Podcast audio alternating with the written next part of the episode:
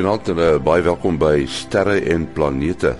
Ons span is gereed om te gesels vanaand. Dit is professor Mati Hofman van die Universiteit van die Vrystaat in die Boden Sterrewag en natuurlik Willie Koorts van die SAAO. Kobus Olkers in Florida in Amerika kyk vir ons na die son. Maar vanaand gesels ons ook met Willem Esterhuise. Hy is van Kat 7, Meerkat en SKA. Net om te hoor hoe dinge daar vorder en waarmee hulle tans besig is. Maar voordat eers ruimte nuus wat geskryf is deur Herman Turin. Die volgende sending na Mars vind in 2020 plaas. En die twee doelwitte is om vas te stel of daar die een of ander lewensvorm op Mars moontlik is en of omstandighede op Mars eens geskik was om lewe te onderhou. Die aankondiging is deur NASA tydens 'n nuuskonferensie gedoen. In die verslag wat vooraf aan die media beskikbaar gestel is, is egter geen melding gemaak na die moontlikheid dat na vreemde huidige lewensvorme gesoek gaan word nie. Om kostes te bespaar, sal die tuig dieselfde onderstel as Curiosity gebruik, maar wel meer gevorderde tegnologie aan boord hê. Die tuig sal ook monsters bymekaar maak wat met 'n toekomstige sending terug aarde toe gebring sal kan word. Die sending se begroting beloop 1,5 miljard dollar. Dit is lanseringskoste uitgesluit. Britse ruimtewetenskaplikes gaan die veldtog verbreed om te soek na lewe in die ruimte, berig die Christian Science Monitor. Die koerant wys daarop dat die aankondiging gedoen is byna op die dag na 66 jaar nadat 'n vreemde voorwerp in Roswell in die VSA neergestort het. Die wetenskaplikes van die Britse been van die SETI-program gaan tyd hier by Britse radioteleskope om deur die data te sif. Een van die teleskope wat aan die beurt gaan kom, is die E Merlin array. Die wetenskaplikes meen die werk word in ieder geval gedoen en kan net sowel benut word. Hulle meen die meerderheid van hulle glo dat daar wel lewe in die ruimte is maar dat hulle geen benul het oor hoe dit lyk en of daardie lewensvorme met aardbewoners sal wil kommunikeer nie. NASA gaan oor die volgende paar weke verskeie metodes op die proef stel om die Kepler ruimteteleskoop weer vlot te maak. Kepler het in die middel van Mei disfunksioneel geword toe die tweede van vier stabiliseringswiele aan boord onklaar geraak het. Nog 'n stabiliseringswiel het vroeër onklaar geraak maar Kepler kon steeds genoegsaam gestabiliseer word om sy soektog na eksoplanete voort te sit. Kepler het voordat dit onklaar geraak het, reeds meer as 3000 potensiële eksoplanete ontdek. Tot sover ruimtenis. En soos gewoonlik praat ons nou met Kobus Olkers daar in Florida in Amerika en ons praat met hom oor die son. Die son uh het uh, laas keer toe ons gepraat het was daar iets nogal aan die kom. Was daar toe 'n uitbarsting Kobus? Ja, soos ons voorspel, dank Vader, ons was reg. Ehm um, het ons toe 'n hele paar uh, mooi fakkels gekry, mooi stormpies. Ehm um, die mense sou nogal ondervind het dat hulle heelwat uh, sterings gekry het met met hulle telefone, met hulle uh wel self selfone, met hulle datanetwerke, uh, internet en met ehm um, uh, navigasiestelsels om niks om niks nou nie eers te praat van die ehm um, probleme wat ons met, met kortgolfontvangs gehad het nie. Dit was vir 'n hele paar geleenthede deur die week was dit vir omtrent seker meer as 'n uur op 'n slag heeltemal weg gewees. Ehm um, ons sit nou met 'n baie interessante ons het hierdie hele week met 'n baie interessante aktiewe area gesit. Ehm um, dit was seker een van die grootste areas wat ons in 'n baie lang tyd gesien het en hy het maar net enkele M-klas fakkels uitgestuur. Ehm um, hy het eintlik die potensiaal gehad om om X-klas uh koronamas uitbarstings te doen, maar hy het gelukkig nie uh so ver gekom nie. Ehm um, hy is nou amper op die op die kant van die son, besig om oor die horison te draai uh vandag. En die volgende week gaan ons redelike stil uh son weer hê, of ruimte weer hê. Daar is geen aktiewe areas op die oomblik wat ons vir die volgende week kan steur nie en daar's ook nie korona gat nie. So vir 'n keer kan ons rapporteer ehm, 'n uh, rustige week wat wat ruimte weer aan betref. Kobus jou kontak besonderhede? Soos gewoonlik SMS alleen 083 2648038 Dis uh, SMS en dan 0832648038. Baie dankie aan Kobus Olkers. Ons praat nou met uh, professor Mati Hofman van die Universiteit van die Vrystaat en uh, as jy mens dit nou sê dan moet jy mens onmiddellik die Boyden Sterrewag byvoeg en dan met Willie Koorts van die uh uh SAAO die Suid-Afrikaanse Astronomiese Observatorium. Ons moet 'n bietjie gesels oor uh verwikkelinge wat plaasvind en allerlei planne wat wat mense het. Uh ek sien nou dat die ehm uh, Amerikaners is al besig om te praat oor die volgende Curiosity tipe voertuig. En uh dit gaan oor 'n klompie jaar gaan hierdie voertuig op uh, op die rooi planeet land. Wil jy het jy enige inligting oor die planne met hierdie nuwe voertuig?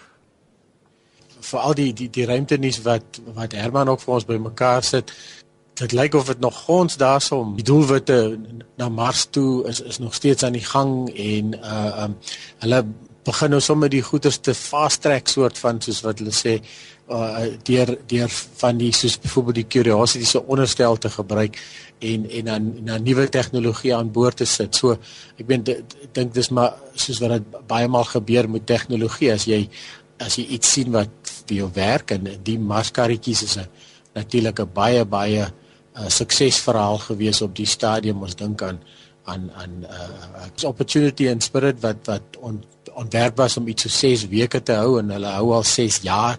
So dit is ongelooflik as die tegnologie so gaan en jy kan dit dan net weer gebruik in in vir vir toekomstige uh ruimtesendings. Ehm um, so ja, Mars lyk vir my is nog lank nie nie klaar bekyk en bestudeer nie en uh ja, so daar daar's heelwat heelwat nog aan die gang daai kant. Uh ja, een van die interessante dinge van die volgende sending wat hulle beplan is dat die tuig dan ook monsters sal kan sal bære vir moontlike toekomstige terugbring na die aarde toe. So is amper asof hulle nou daar 'n punt op Mars vestig wat uh dan weer en weer besoek kan word.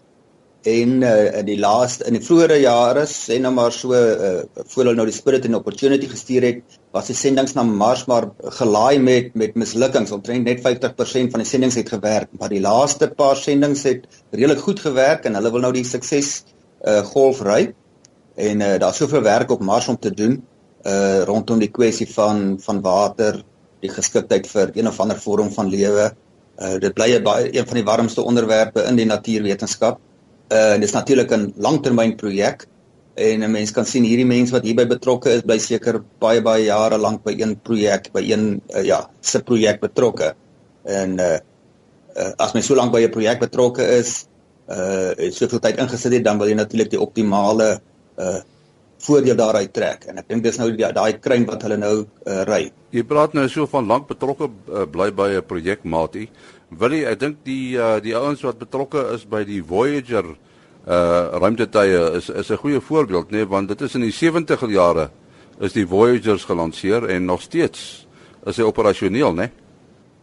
Ja dit is dis nog 'n voorbeeld van van 'n wonderlike projek eenvoudige baie eenvoudige ruimtetuigie wat wat kameras aan boord gehad het en dan allerlei sensors en en uh um, alhoewel die Voyagers nou al of een van hulle het nou al die die die sonnestelsel eintlik verlaat effektief 'n uh, uh, ongelooflike klomp nuwe inligting ingebring want uh, uh ons soos wat ons nou dink byvoorbeeld waar die die die uh, ons praat van die heliopause dit wil sê die invloed van die son moet op op 'n stadium ophou en dan is jy heeltemal in die buitenste ruim en en en daar het hulle natuurlik veranderings nou gesien uh uh anderster as wat dit verwag was uh, uh hoe dit sou gebeur daar was 'n skielike uh, wat dit bietjie warmer geword het en en toe skielik nou weer die yskoue van die ruimte. So uh ongelooflike suksesverhaal wat uh, die Voyagers vir ons gedoen het vroeër jare vir ons die wonderlike foto's gestuur het en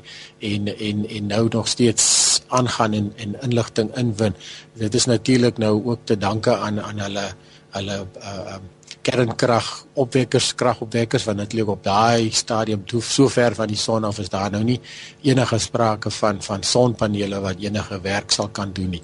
Ehm um, ja en uh, ek sien selfs dat uh, die New Horizons tuig wat nou by uh, Pluto in in in 2015 gaan aandoen. Uh, uh dit gaan natuurlik net 'n verbyvlug wees en en hulle is ook al aan die beplan wat gaan ons dan na daai tyd met hom doen. So daar's baie wat hulle noem trans-Neptunian liggame wat aan die ander kant van Neptunus lê wat uh wat wat kan bestudeer word. So dis wonderlik hoe hierdie hierdie um goed met hulle primêre uh sending ook dan in 'n sekondêre rol aange, aangewend kan word in die in die toekoms.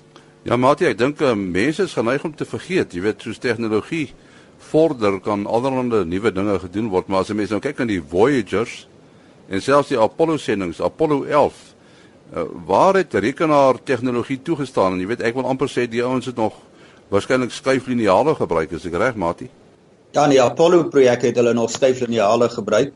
Uh ek dink daarom nie in die tyd van die van die Voyagers was hulle nou al 'n bietjie verder. Uh die ontwikkeling dink ek kom da, veral daarin dat aanvanklik kan jy iets regkry teen 'n geweldige koste en met die toewyding van 'n groot klomp mense. In die geval van die Apollo projek, wat dink ek was daar meer as 100 000 mense op een of ander wyse intensief by daai projek betrokke. Dit is 'n hele nasie se uh poging wat daarin gekonsentreer was. En mens kan natuurlik nie dit volhou nie, dan doen jy net een ding en wat nou met die tyd gebeur het is dat hulle dinge uh sekere sendings goedkoper kon doen, uh minder energie nodig gehad het uh om tye te lanseer omdat die elektronika kleiner word en jy dis die hele toestel of satelliet uh kan kleiner maak. Uh om nou 'n voorbeeld te noem, uh hulle ontwikkel nou, hulle voorsien nou dat hulle baie klein satelliete, die sogenaamde CubeSats wat uh, Willie al van gepraat het, uh sal kan die diepruimte inlanseer in die nabye toekoms met behulp van sogenaamde plasma aandrywingsstelsels en dan kan uh die versiening sal seker baie gespesialiseerd wees maar baie baie goedkoper omtrent 'n faktor 1000 maal goedkoper as wat ons dit op die oomblik doen en dan kan jy mos nou 'n klomp verskillende gespesialiseerde uh satelliete stuur wat elkeen een bepaalde aspek van die diepruimte meet of 'n bepaalde voorwerp op 'n sekere manier gaan afneem. So dit is uh tipe ontwikkelinge wat ons dalk in die volgende 10 jaar kan sien. Uh dat jy net baie meer dinge gelyktydig kan doen uh teen 'n uh, bekostigbare uh, begroting. Wat nou gelukkig lyk my gaan gebeur is dat NASA vir die eerste keer in baie jare 'n uh, redelike verhoging in sy toekenning van die Amerikaanse tesourie sal kry. Ek dink hulle praat iets van 17 miljard of 1000 miljoen dollar. Uh die meeste wat uh dit sedert 2002 dink ek ontvang het. So hulle was maar ook onder groot druk met hulle begroting maar mens kan nou maar net dink met al hierdie uh pogings rondom Mars met die met die met die uh, tye wat daar moet rondloop en die sending na uh na Pluto dit moet 'n groot eis aan hulle stel. Uh en daar is mense wat sê hulle was nou 'n tyd lank so 'n bietjie rigtingloos. Daar was net terugslag rondom die uh pendeltye uh, maar dit ek, ek kry tog die indruk dat hulle planne weer agter mekaar begin kom en dat hulle 'n uh, paar goeie fokus projekte het uh, wil jy ek dink 'n uh, ding wat mense ook nie moet vergeet nie is die rol wat politiek in die ruimte speel. As dit nie vir die politiek, die internasionale politiek was tussen Amerika en Rusland nie, wonder ek of ons so ver sou gewees het as wat ons nou is. Ja, ongelukkig kan politiek nooit uit enige uit enige uh sê ons formule uitgelaat word nie. Ons ons ek meen as ek as as 'n mens net dink in in in enige sterrewag of in 'n organisasie soos universiteit by Maatjele en so daar is maar ons nou maar altyd on, onderliggende politiek maar op die groter skaal baie baie beslis uh, uh, uh, ek meen as ons 15 20 jaar terug gedink het dat die Amerikaners en die Russe sou saam 'n ruimtestasie beman ensovoorts ensovoorts sal sal dit dit sou net ondenkbaar gewees het en uh op hierdie stadium is die is die Amerikaners afhanklik van die Russe om hulle uh, uh om die ruimtestasie te dien en om om personeel te te uh, eenou weer te skuif ensovoorts. So ja, onge, ongelooflik hoe hoe dit hoe die wêreldpolitiek veral die arena in die in die ruimte uh waar dit groot moontlikhede was wat wat ballistiese missiele op mekaar gemik het 'n klompie jaar terug uh is daar wonderlike samewerking op hierdie oomblik en en uh um, die een kan op hierdie stadium nie sonder die ander klaarkom nie dit is is net ongelooflik as mens so trend dink. Ja. Uh en 'n uh, interessante voorbeeld van wat hulle in daai tye weens die politieke magspel reggekry het is dat die Russe nog steeds die rekord hou net net vir die verste afstand van 'n tuig uh op 'n ander planeet as die aarde en dit is die of ander hemelliggaam as die aarde en dit is die Lunokhod 1 wat in die vroeg in die 1970s op die maan geland het en uh die opportunity tuig is nou baie naby daaraan en dit sal seker in die volgende maande verbygaan maar ons is nou by 2013 en dit was uh 40 jaar gelede uh, ongeveer wat hulle daardie mylpaal bereik het. Uh Mati on, ons het al baie gepraat oor oor jy weet die vaksterrekunde dat dit eintlik alles omvat. Uh maar dit lyk my statistiek begin al hoe belangriker rol speel want die ouens begin syfers rondgooi want hulle praat nou van jy weet dat ruimtewetenskaplikes sê dat uh daar is moontlik 60 000 miljoen bewoonbare planete. Maar dit is op op statistiek gegrond, né, nee, Mati? Ja, dit is bepaal op statistiek gegrond en as dit by statistiek kom, dan moet mens onmiddellik versigtig raak. Uh maar mens nou wat mens op die ouend moet ernstig opneem is uh, beramings wat nie net so in die omgang genoem word nie, maar wat gepubliseer word. Uh ek het nogal 'n sterk vertroue in die wetenskaplike proses, uh want wetenskaplikes het maar 'n bepaalde geaardheid. Hulle wil natuurlik 'n belangrike bydrae maak, maar uh, enige bydrae wat gepubliseer word, word baie krities deur ander wetenskaplikes bekyk en dit is nou maar net in die kultuur om maar te gaan soek vir foute. Uh so jy kan stat goeie stat, statistiek bedryf uh en jy moet jou saak uh, goed gaan ver, verwoord. Ek dink baie dinge op die aarde doen ons ook deur 'n steekproef te kan neem en sê nou maar jy uh, uh, uh ondervra 1000 mense uh om te bepaal wat se standpunt hulle oor 'n sekere saak het en jy kry uh, sê nou maar 10 mense en jy wil weet hoeveel sulke mense is daar in 'n land dan kyk jy maar watter breekdeel van die totale bevolking was jou steekproef van van 1000. Maar dan moet jy as jy en dan kan jy nou by 'n skatting uitkom. Uh, maar as jy ander mense wil oortuig dan sal jy hulle moet oortuig dat daai steekproef van jou was 'n betroubare ewe kansige steekproef. Nou ek kan my nou uh, in die geval van die eksoplanete baseer hulle daardie uh, statistiese beramings dan op die werk wat die Kepler teleskoop uh, gedoen het. Uh en die Kepler teleskoop bekyk nou 'n sekere sterveld uh is van ongeveer 150 000 sterre. En daar het hulle nou 'n sekere aantal uh, maar net enkele eksoplanete ontdek so uh, vergelykbaar met die aarde in die sogenaamde bewoonbare sone.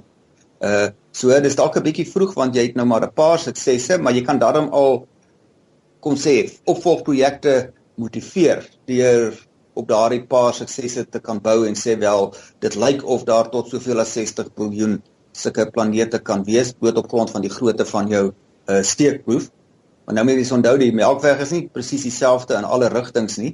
En uh, so ek dink hulle sou heeltemal kon argumenteer dat dit 'n uh, heeltemal verteenwoordigende steekproef van die hele Melkweg is. Maar die vroegtydige aanduidings is in elk geval dat daar heel waarskynlik 'n baie groot aantal sulke planete kan wees. Ek dink dit kan mens al ernstig opneem of dit nou 10 miljard of 60 miljard uh, gaan wees. Ek dink dit sal ons nog so 'n bietjie moet wag want in eerste plek is die bevindinge uit die Kepler data is nog nie afgehandel nie. As byvoorbeeld 'n hele uh, uh, dit is ongeveer 30 uh, ongeveer 3000 kandidate vir eksoplanete waarvan 'n groot deel nog uh, finaal bevestig moet word. Ek dink die bevestigde gevalle is hier is nog so net so onder die 1000. So daar's nog werk wat aan die data gedoen moet word op grond waarvan hulle die beramings wil doen en dit sal sekerlik verfyn word in die volgende jaar of twee.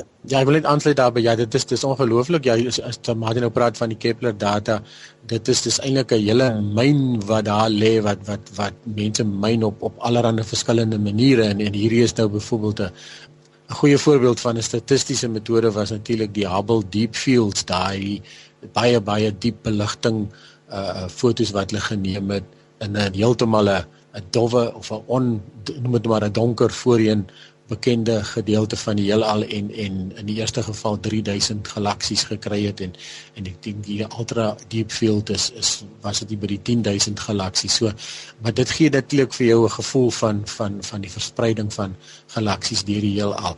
Nou uh, in sterrekunde self ons het 'n uh, uh, sterrekundige daar by ons gehad wat gespesialiseer het in in statistiek en en ongelooflike statistiese metodes uh, ingebring wat die werk net soveel makliker maak vir vir ander sterrekundiges.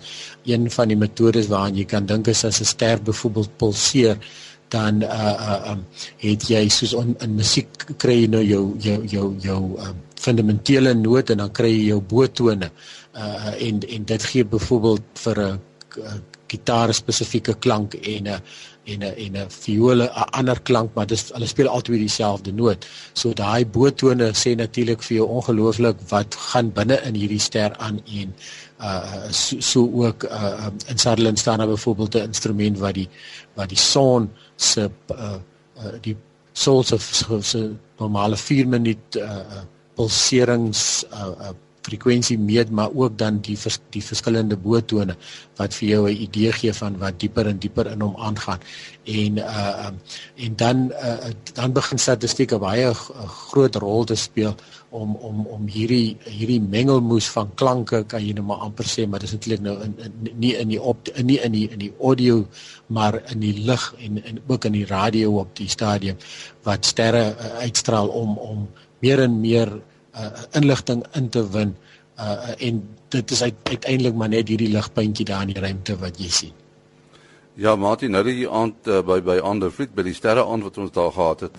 Toe toe ek die vraag gekry en ek het die vraag al meer as een keer gekry. Toe ons gepraat oor Omega Centauri, daai sterrebondel. Die syfer wat rondgegooi word is 10 miljoen sterre. En die vraag is dan maar hoe weet hulle dit is 10 miljoen?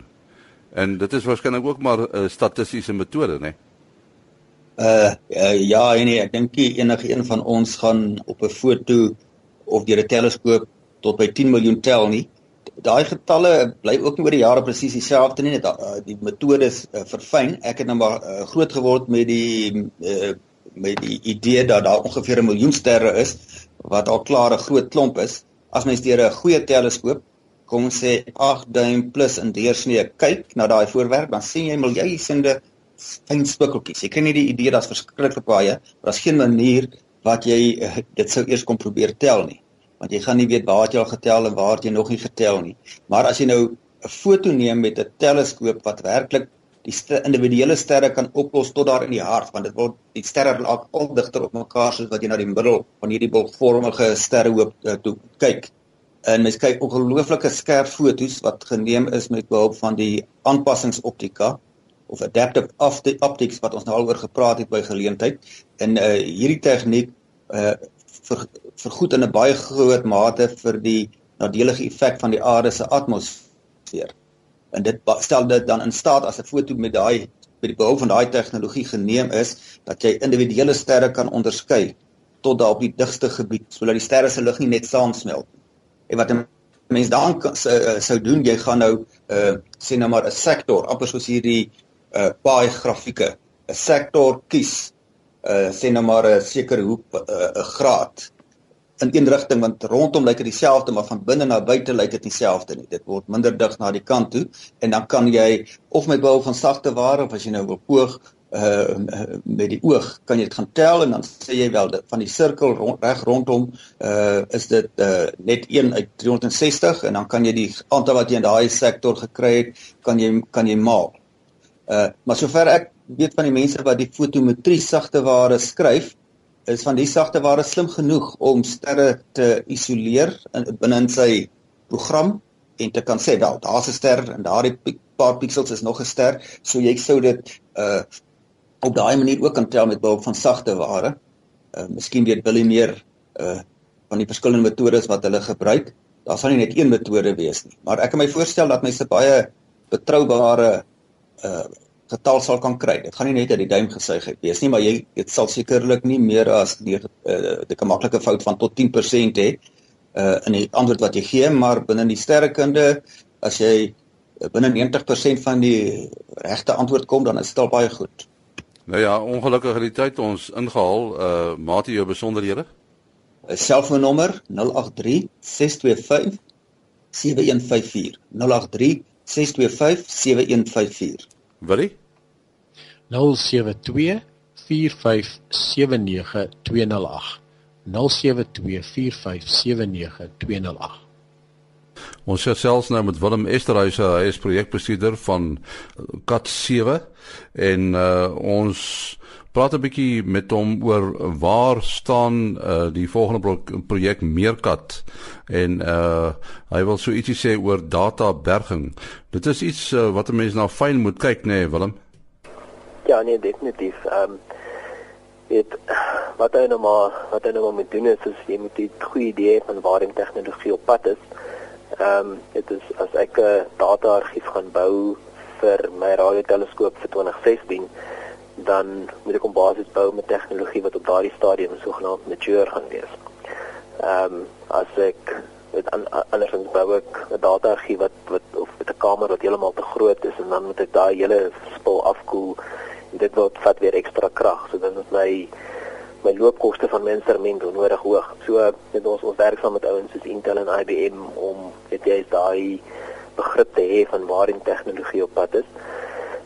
En uh dit dit skep ook vir dit baie van die ouens wat op Meerkat werk goeie goeie geleenthede. Ehm um, een van die goeie geleenthede is nou ons ons wetenskapprosesseringsspan werk op 'n projek, sogenaamde Dome projek, um, saam met ouens uit Nederland um, by Astron en en IBM om spesifiek te werk op wat hulle noem 3D stacking van van chips. So as jy nou gaan kyk na jou quad-core moederbord op jou rekenaar, dan is dan is hulle so basies 2D uitgepak. Nou as jy daai chips op mekaar kan sit, dan jou probleem wat jy kry is is dit goed raak te warm.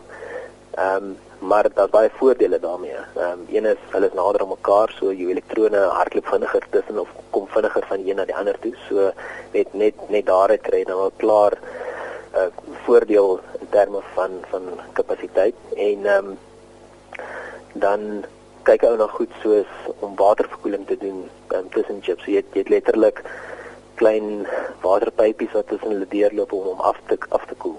En waterverkoeling is natuurlik meer effektief as as lugverkoeling. So net onmiddellik daarsou kry jy dan al klaar 'n voordeel in terme van die krag wat jy nodig het om 'n sekere hoeveelheid hitte weg te vat.